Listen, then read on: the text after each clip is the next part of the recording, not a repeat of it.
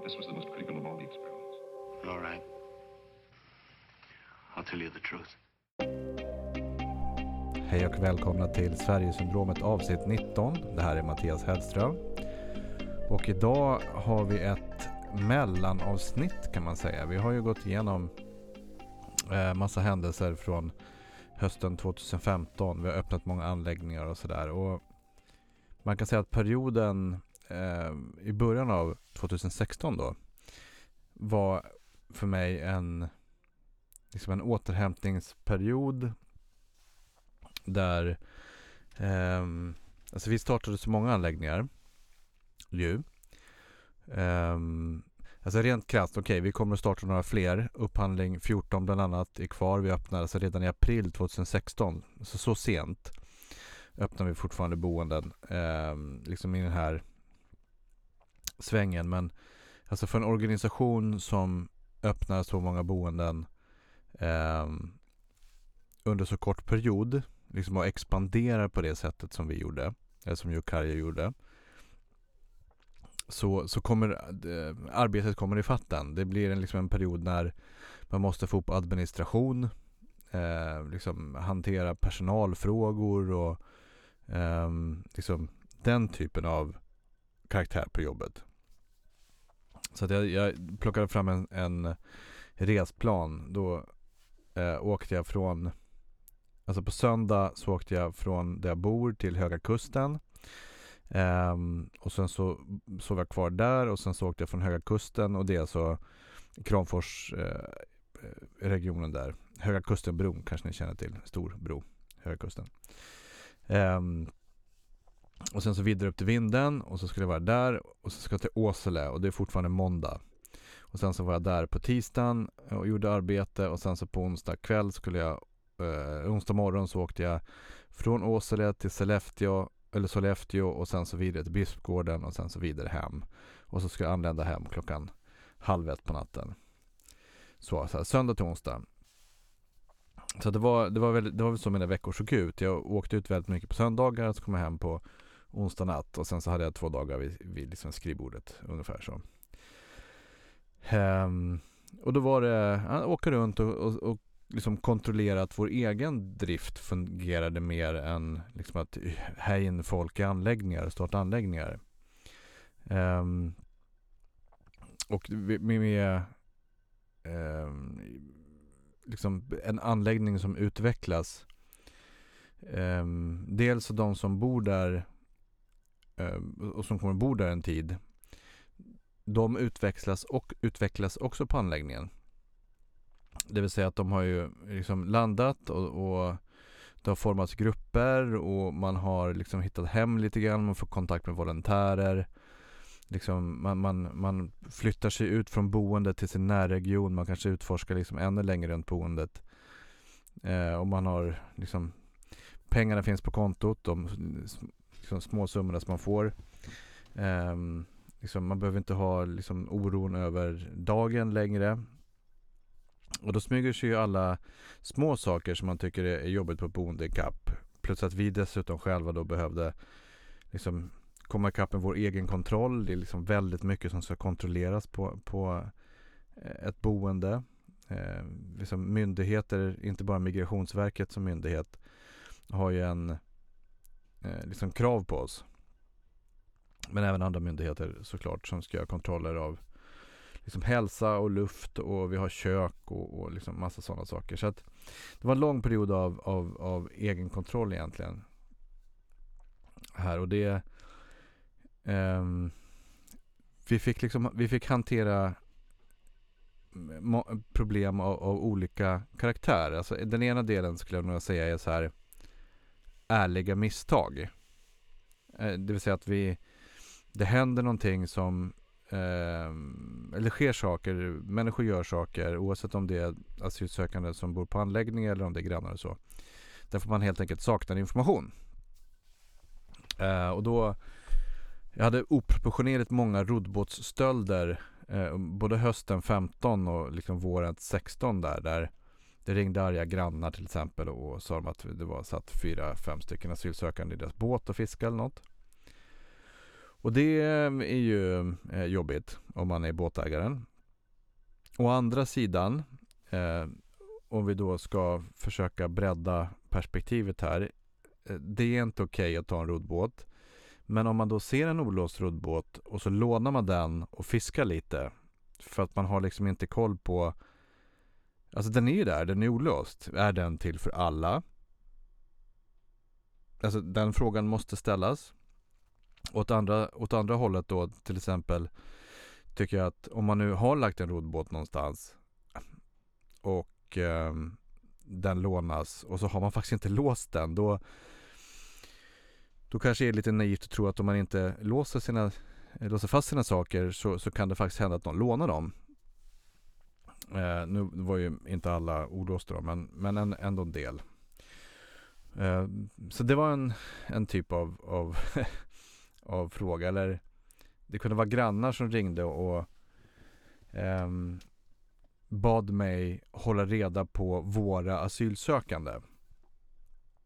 Eh, och det är klart att om, om de då eh, kanske inte respekterar tomtgränser eller pallar lite äpplen eller liksom rör sig i, utanför boendet på ett sätt som, som grannar inte önskar eller det var några andra problem. Det kan hända att barn till exempel på en anläggning hade repat en bil eller kastat en boll på en bil eller whatever, någonting. Då kommer samtalet såklart till, till oss på anläggningen eller till mig. Och sen så eh, frågar man vem ska ersätta det här?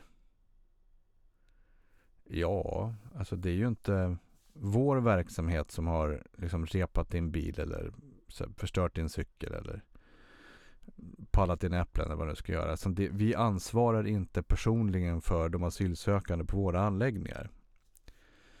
Um, så den, den typen av, av problematik och frågor fick vi hantera för att också utbilda dem runt omkring vad vi hade för, för ansvar. Liksom på anläggningen så. Um, och, och, jag vet att jag sagt det förut men det är säkert några nya lyssnare som är igång här. Då, eller som lyssnar. Och då, alltså vi, vi har ju kost, logi, reception. Vi har inget personligt ansvar på något sätt för, för de asylsökande. De ansvarar för sig själva. Och Migrationsverket ansvarar för att deras eh, asylärende ska prövas enligt gällande regelverk. Så att eh, vi, vi, vi betalar inte självrisker på grannens bil om det är någon på boendet som har gjort det. Man har sitt eget ansvar. Så. Um, men det, det, det, har ändå kommit, det är många gånger som, som den frågan har kommit upp. Um, så, så att det finns väl en tanke bakom att man inte kan skilja på det då. Um, och sen så var det efter volontärer och andra godhjärtade personer um, liksom fördjupade sig i personerna på anläggningarna så, så vart ju det också liksom frågeställningar som behövde hanteras. Eh, liksom, det vart fler och fler, det ackumulerades. Um, också kanske också ibland för att man inte kunde skilja på liksom vårt arbete kontra Migrationsverkets bedömning av asylärendet. Eller att man tycker att vi skulle bedriva vår verksamhet på ett annat sätt än liksom de kraven vi hade på oss kan man säga. Um, och det, det är framförallt från eh, från, från volontärt håll. Man kanske känns man lite grann adopterat en, en familj mer än att man hjälper dem med språk och sådär.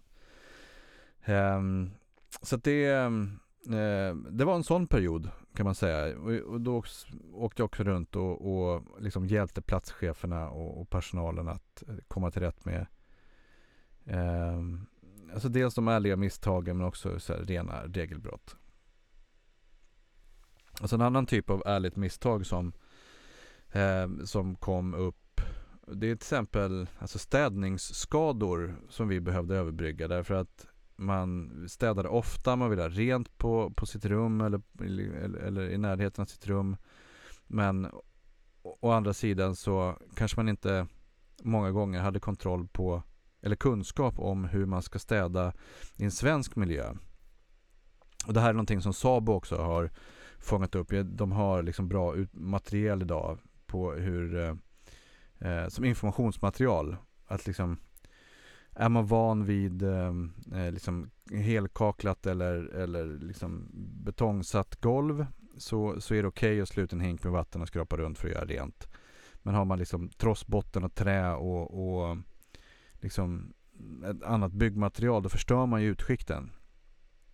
Så det var också en, en, en liksom, någonting som, som vi jobbade med eh, liksom kontinuerligt. Eh, också att eh, man kanske torkar sig eh, olika när man har varit på toaletten. Liksom, och Många ville kanske, eller många ska jag säga, förvånansvärt många monterade liksom in en egen eh, stjärttvätt. Alltså en, man kapade in sig i, eh, i eh, vattenledningen för att kunna ha en, en kran, som en bidé, så man kunde spola sig själv i stjärten. Eh, men det, det resulterade liksom i liksom onödigt mycket eh, vatten även i våtutrymmen och sen så liksom kunde det i förlängningen bli liksom vattenskador och sådär. Och, och, det är ingenting som vi ville göra så vi jobbade för att få bort det och sen så åkte de dit igen. Um, och det är ju en, det är fortfarande kategorin ärliga misstag kan jag tycka därför att vi, det är liksom kulturer som kolliderar um, här fortfarande och, och, det är liksom gråzoner på, på vad man får och inte får. Det är inte säkert att informationen är komplett. Um, sen fanns det ju såklart många saker som är liksom rena regelbrott som som i den här perioden när de varit på boendet några månader insett att okej, okay, man, man, kan göra saker, det finns ingen riktig konsekvens. Till exempel rökning är ju någonting som jag har haft otroligt mycket problem med. Um, så en, en, stor del av mitt jobb i den här perioden var ju att åka runt och skälla på folk som rökte på rummet.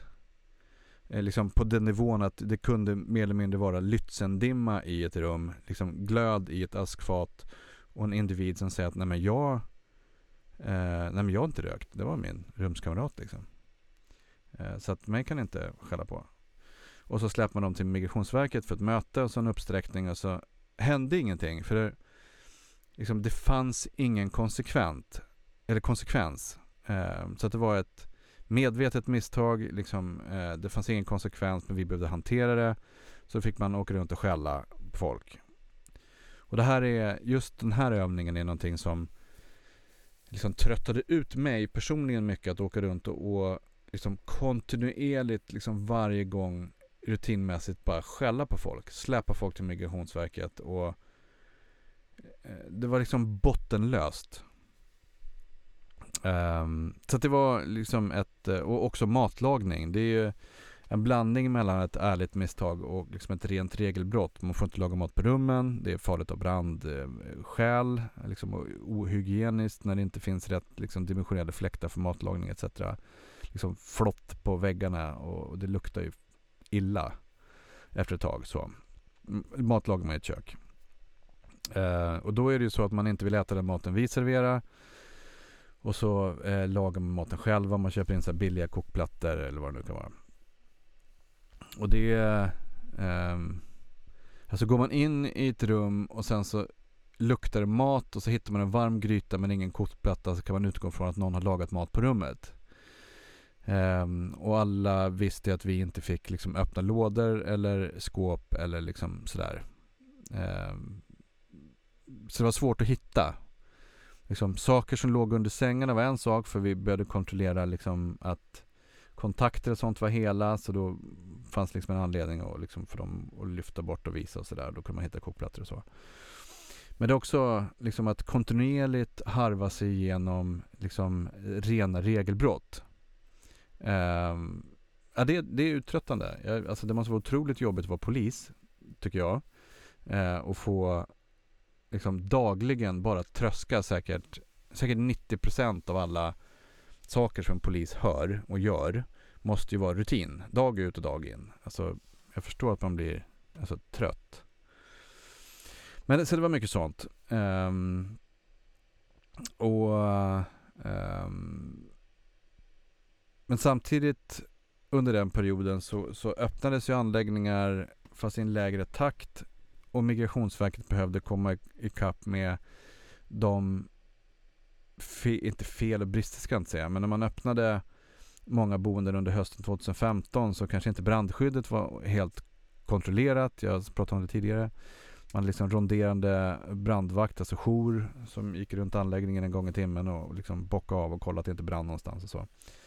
Um, liksom helvaken brandvakt på nätterna. Men upphandlingsmässigt så behövde man ju täta de luckorna för vi behövde ju ha liksom ett, ett brandskydd vilket gjorde att liksom många anläggningar, inte bara våra, så liksom nationellt så byggdes det mycket i den här perioden sen. Man behövde liksom så här dubbelgipsa och bryta, byta till branddörrar och kanske sätta in brandspjäll och massa andra saker då för att anläggningarna som redan var i drift skulle liksom bli egentligen då godkända för den brandklass som, som, eh, som gäller.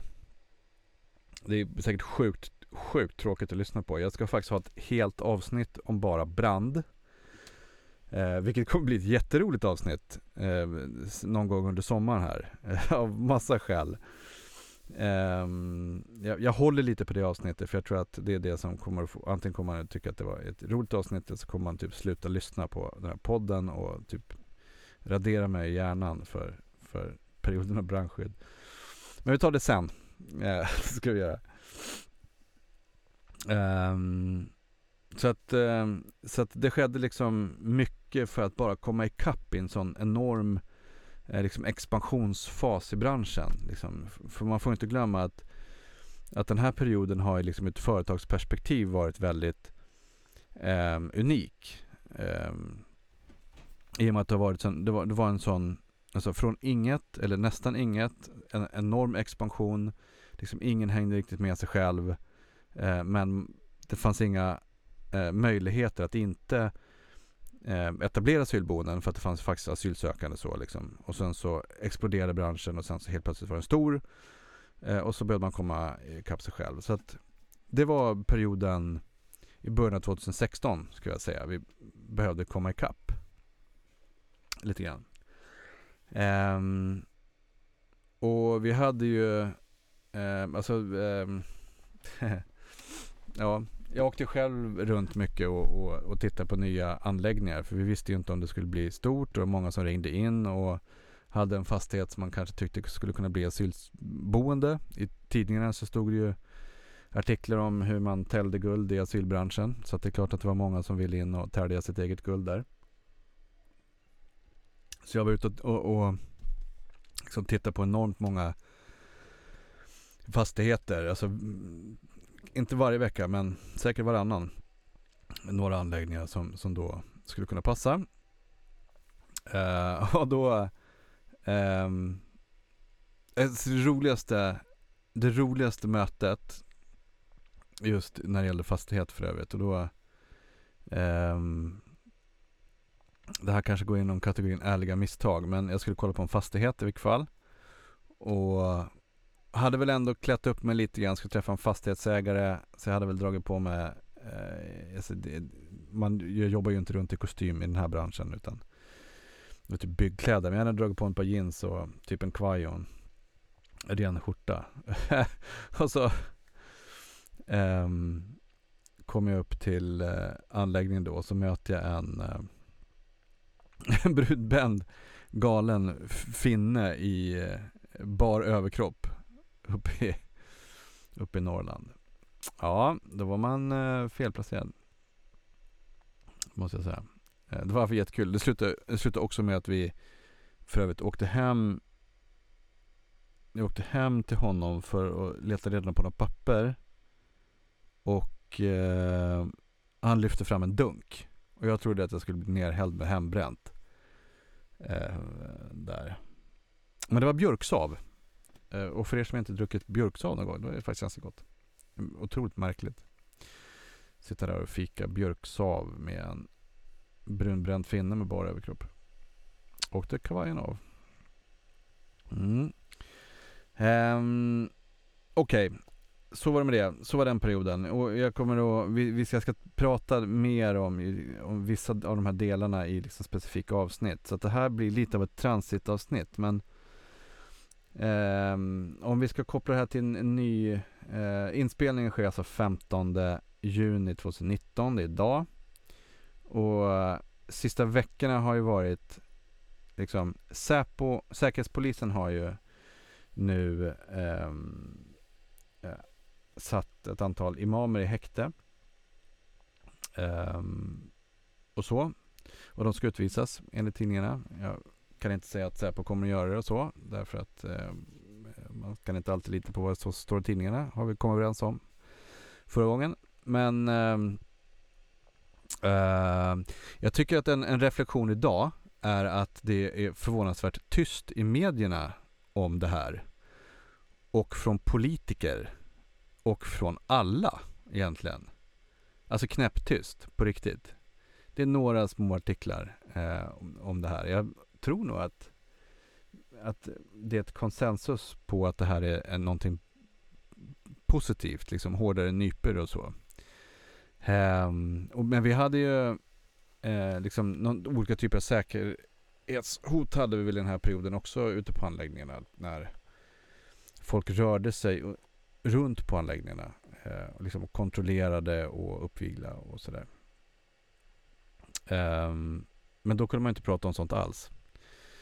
Um, så att nu pratar man inte om det för att man håller med och det är lite nervöst att eh, säga något. Kanske. Man håller hellre tyst.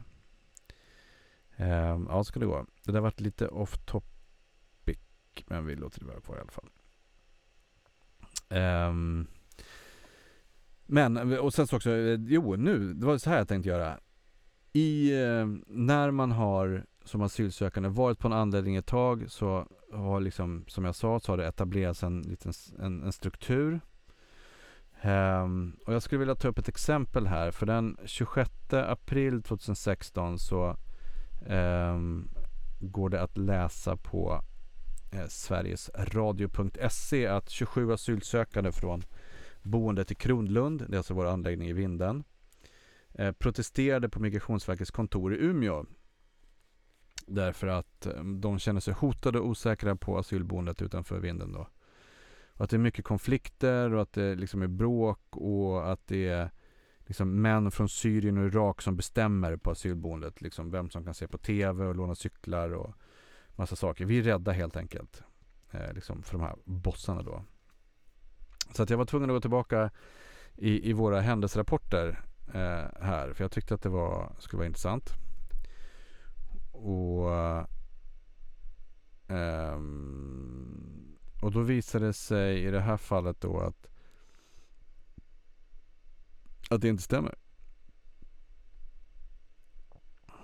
Uh, utan man har helt enkelt uh, Alltså för att få alla till den här demonstrationen så har man internt hotat folk.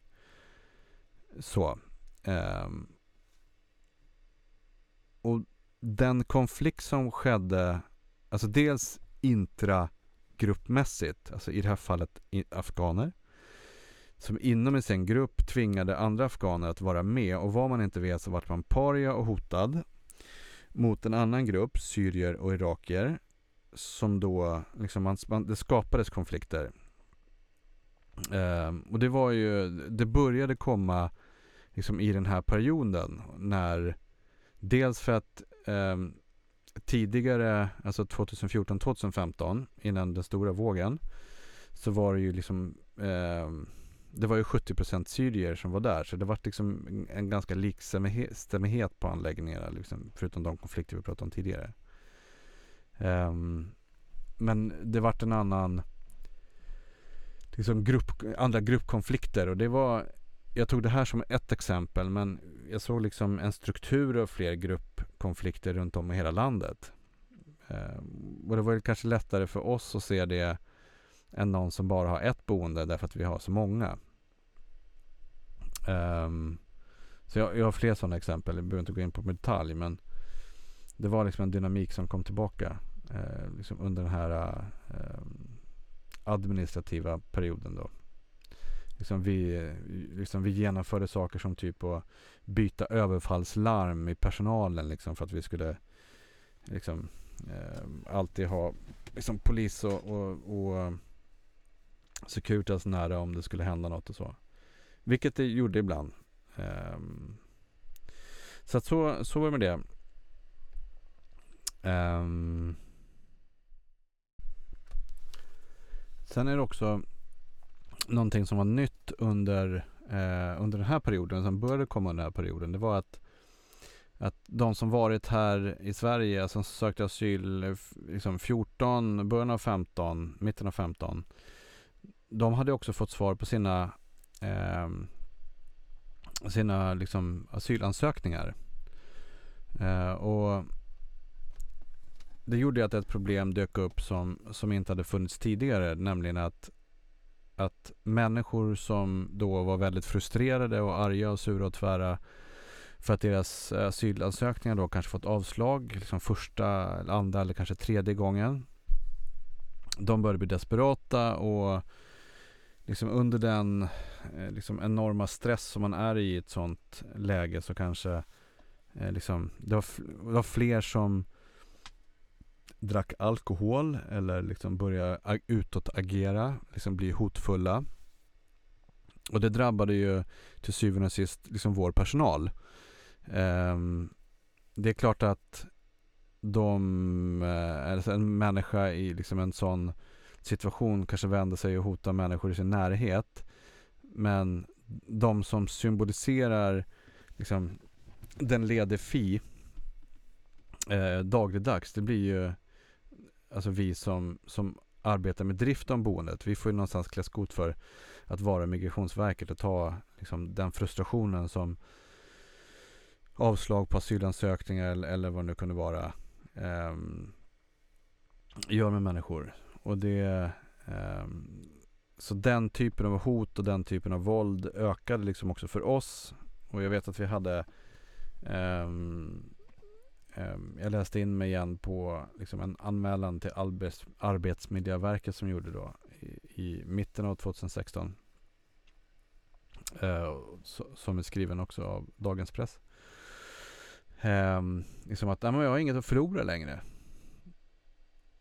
Och det, eh, fler människor kom in i den här zonen av att man inte hade någonting att förlora och då liksom saker går sönder människor när man inte har något att förlora och liksom helt plötsligt så gäller ju inte regelverken. Precis som jag berättade förut om att om en, en, en individ som flyttar från en anläggning behöver inte respektera liksom platschefen och boendets regler längre. För det finns ingen konsekvens. Eh, vilket gör att det, det kan bli konflikter som, som inte upphänt tidigare då. Eh, och här, här sa faktiskt Arbetsmiljöverket att de bolag som driver asylboenden liksom bör vara uppmärksamma på den här typen av händelser relaterat då till att, eh, att man har fått avslag på asylansökan och inte har något att förlora då. Och att det gör att eh, hotsituationerna är liksom värre och farligare. Så det var ju ändå en liksom, officiell eh, uppmaning då till att, att eh, hålla ögonen öppna och vara vaksamma. Eh, och ehm,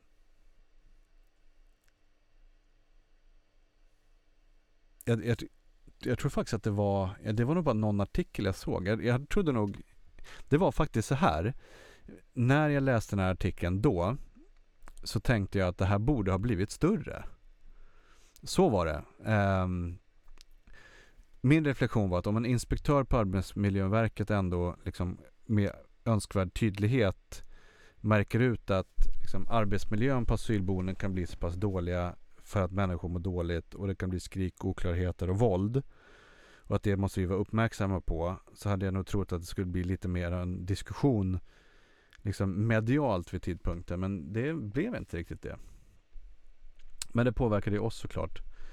Um, jag har ju flera eller det, det är flera samtal som jag har fått av, av, av personal som liksom blivit hotade eller tag, liksom ringer i efterhand och berättar att de tagit sig ur en hotfull situation där de har kanske blivit inträngda eller hotade med kniv eller, eller så.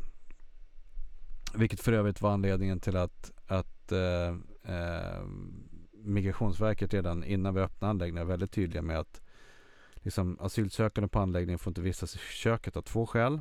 Liksom, dels för att de inte är godkända av hälsovårdsmyndigheten etc, etc. Men också för att de inte ska vara i närheten av knivar och saxar. Därför att en människa med liksom, som är normal behöver man inte oroa sig för på det sättet. Men när de kommer i de här stresssituationerna så får eh, så måste man se till att det inte kan finnas en kontakt med knivar helt enkelt. Åtminstone från verksamhetens håll. Eh, samma sak gällde att vi, liksom, en märklig varning, det här fick jag nog redan 2014 att Nej men här kan det inte stå en kolsyresläckare. Hon bara, jo det måste göra det för att det är ju saker som måste släckas med kolsyra här. Nej men det är ju farligt, det kan användas som ett vapen. Hopp, okej. Okay. Eh, lärde man sig det. Så det var, det, var, det var viktigt att vara varsam, eh, vaksam eh, så att inte någonting händer då. Hos oss, jag tycker faktiskt att jag tycker vår personal, egentligen alla som jobbar och har jobbat med asylboenden och i förlängningen också HVB-hem ska ha en eloge för liksom, den höga graden av stresshantering som jag tror man har. Oh, det här är också en period när eh, HVB-hem för ensamkommande flyktingbarn bara exploderar i Sverige. Och jag tror att man tappade lite grann fokus från vår verksamhet då för att liksom, ja men Göteborgsavtalen, man hade så många eh, asylsökande, ensamkommande eh, flyktingbarn att, att man skrev de här galna avtalen som, som löpte under väldigt lång tid och kostade kommunerna jättemycket pengar. Det var liksom, det var ju under den här perioden när det var total kaos. Och jag tror faktiskt att det var säkert hälften av förfrågningarna som, som liksom florerade in i min telefon eh, var just att starta upp Typ, eh, HVB-hem faktiskt. Alltså små hotell eh, eller andra fastigheter så här bra för vandrarhem och sånt som skulle kunna bli HVB-hem. Så att vi var någonstans här så var det den eh, alltså branschen delades i två. Alltså vi kunde ha ABT-sidan som var alltså tillfälliga asylboenden för vuxna och sen så var det ju också liksom ungdomssidan väldigt stor. Och det var ju egentligen där vågen med eh, familjeplaceringar kom in. Alltså det är också en bransch som har varit gått lite under radar i förhållande till asylboenden. Men också varit väldigt stor och väldigt lukrativ. Eh, där man har kunnat placera ut, eh, vi hade ju inte den här typen av verksamhet men jag, jag har är såklart i kontakt med många som har det. Eh, man kan placera ut ehm, eh, ensamkommande flyktingbarn då eh, i familjer och sen så är det liksom eh, riktigt bra intäkt på det. Så det, det, var, det var en tvådelning av branschen där. Det kom väldigt många förfrågningar, eh, liksom både in och ut. Eh, och jag tror hela Sverige vaknade här för det ringde Ja, det ringde ett. Alla ville vara med. Alla ville vara med i guldruschen. Not that Goldie in the long run. Så var det med det. Nu har det gått 33 minuter. Jag tror att det här kommer bli dagens avsnitt faktiskt. Jag ska kunna avsluta med eh, två tillfällen där man har varit riktigt felklädd. Om jag kopplar tillbaka till den här galna finnen. Eh, och då tänkte jag så här att det är ju Um, jag brukar säga så här att man, jag brukar slarvigt säga att man kan känna igen en asylsökande på långt håll för att den har badtofflor på sig. Eh, det kan nog låta otroligt eh, märkligt men så är det. Eh, och det är ju liksom ett väl använt plagg. Och då ska jag vända tillbaka till mig själv för jag bodde i jag bodde i Kina när jag var i 20-årsåldern en sväng eh, i Macao och min reflektion är då om man ska vara lite självkritisk att jag gick ju alltid omkring i badtofflor och shorts medan alla studenter på universitetet i Macao då som jag gick på de hade ju alltid liksom riktiga kläder på oss. Det var ju bara vi som var utbytesstudenter som liksom gick på lektionerna i typ shorts och tofflor. Sett i efterhand så måste ju liksom, det är ju, det måste ju sett märkligt ut eh, i relation till vad jag precis sa om, om, om liksom, boende på våra anläggningar. Då. Eh, märkligt. Felklädd helt enkelt. Liksom, och kultur kan ju också göra att man är felklädd av andra skäl. Jag, en av mina mest, eh, mest felklädda banketter var faktiskt också där. När jag skulle ta mig till, eh, jag var gäst tillsammans med några andra eh, killar på vi spelade fotbollsmatch. Vi var med i någon sån här landskamp mellan Hongkong och Macao. Och så eh, eh, alltså vi spelade inte riktigt i laget. Vi fick nog vara med mest av skälen att vi var västerlänningar tror jag. Och så var det en stor bankett på kvällen. Alla ägarna var där och vi så här snajsade till oss i typ kostym och, och skjorta. Och sen så kom vi till hela den här banketten på kvällen och alla satt typ i träningskläder. Så vi fick gå och slänga in eh, kavajen i garderoben. Men det är inte lätt att veta vad man har förväntat sig när man är på fel plats. Eller när man är på en annan plats och inte riktigt kan spelreglerna. Så, så att jag eh, förstår att det är en, en, liksom en nödvändig inlärningsperiod. Och vi måste berätta för de som är här vad det är som gäller. Dels för att undvika de ärliga misstagen. Men också för att förebygga de riktiga regelbrotten. Ehm, och där tycker jag att många av de som faktiskt diskuterar ehm, eh, migration och integration är ganska tydliga. Att vi må, tydliga på den punkten att vi måste vara tydliga. Ehm, för annars så går det inte att förstå vad man ska göra här. Och hur man ska göra här. Tydlighet, mina vänner. Tydlighet i ett otydligt avsnitt. Eh, nästa gång så hoppas jag vara mer tydlig. Jag hoppas ni har åtminstone fått något av det här avsnittet och vi hörs om en vecka. Och fram till dess, ha det så bra, njut av solen och eh,